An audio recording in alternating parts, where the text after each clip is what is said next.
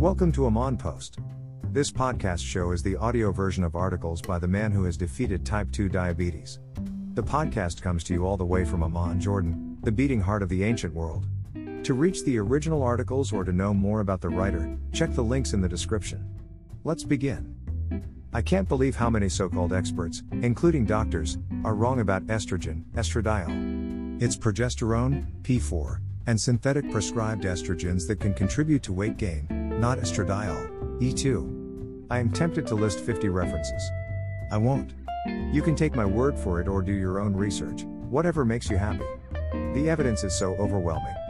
E2 increases water retention of all cells, including subcutaneous fat cells and skin cells. That also includes muscle cells and gives the youthful look of muscle fullness in both sexes. The human brain recognizes volume, size, very well.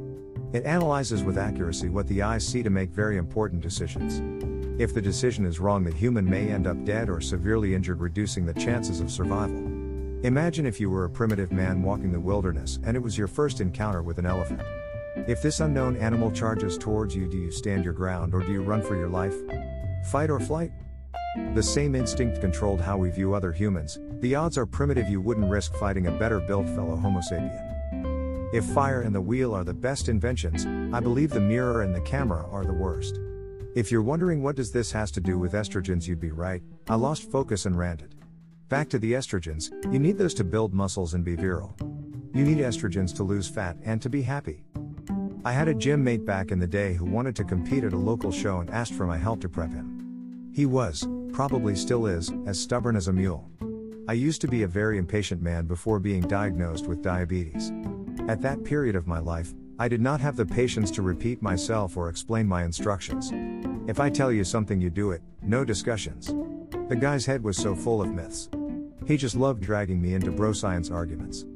Following one of the arguments, I researched the aromatase enzyme, and from all the resources I have under my disposal, I found on Wikipedia mentions of rare cases of men that lack the enzyme. The men were very tall with low mineral density, fragile bones, which is expected. The surprise is that they were obese. They had elevated supraphysiological levels of testosterone and DHT with almost non existent E2. Still, they were fat, I won the argument. I convinced my gym mate to stop the aromatase inhibitor he was using. Within six weeks, his physique transformed. Although he was cutting, he gained impressive muscle size. So, what happened? How could he have gained size on a calorie deficit? Well, he simply was dehydrated and regained muscle fullness. It was water, but who cares? Size is size. The judges won't take biopsies from competitors and count protein fibrils. Anti-estrogen measures, especially selective estrogen receptor modulators, should be delayed to the last two days if you choose that path, which I advise you not to. Ironically, some men suffer from high estrogen symptoms while their blood tests indicate a crushed estradiol level. I have witnessed cases where normal estradiol levels caused reported nipple sensitivity issues in the development of gyno in men, which did not occur before using the drugs. When a person synthetically changes the androgen to estrogen ratio, a multitude of adaptive measures take place. That is quite a complicated matter to rectify. You see, after the teenage years, the hormonal environment is supposed to stay within a certain balance. An individual balance that took years to get calibrated. Even at the highest circles of competitive bodybuilding, most believe that aromatase inhibitors, medications that prevent the conversion of testosterone and other aromatizable steroids into estrogens, reduce fat gain. That can't be further from the truth. It's actually the complete opposite. Estrogens prevent fat gain in males. The very few coaches that know this are the successful ones whose athletes make it to the very top of the sport. This is the most guarded secret that both the coaches and the athletes would tell no one. They are more than happy to keep the stupid myth out there.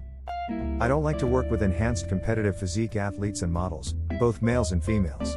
Nevertheless, I coached and gave consultations to several enhanced individuals over the years and in the process became an expert on anabolic agents and other performance enhancing drugs. I do not condone the use of anabolic steroids, as most men and women naturally produce more than enough testosterone and estrogens that provide the anabolic environment needed to reach and maintain the physiques they desire. Getting back to enhanced competitive physique athletes and models. Testosterone must be stopped a couple of weeks before a show or a photo shoot, if a long ester was utilized, and a week before in the case of a shorter ester for the athlete to lose the very last amount of subcutaneous mushiness to display a rock hard physique. probably that is where estrogen got its bad reputation and the reason the myth remains alive. They believe that by reducing the amount of testosterone, the amount of E2 drops, which it does, and that the mushiness is body fat. The reality is that the mushiness is not body fat. One other rarely mentioned fact is that the testosterone molecule itself stores fat by stimulating the classic progesterone receptor in a manner different from other several anabolic agents. By dropping the testosterone, the stubborn fat gets mobilized and burned off. Most non 5 alpha reduced C19 steroids agonize the progesterone receptor to some extent. Reducing E2 and other estrogens, or blocking their receptors, dehydrates cells in several tissues. That includes skeletal muscles. E2 enhances insulin sensitivity in tissues and protects the lining of the arterial vasculature. Reducing slash blocking estrogens will practically destroy virility, increase body fat deposition, especially in the abdominal cavity, and drastically shrink muscle volume. These effects are more notable in people suffering from unfavorable nutrient partitioning.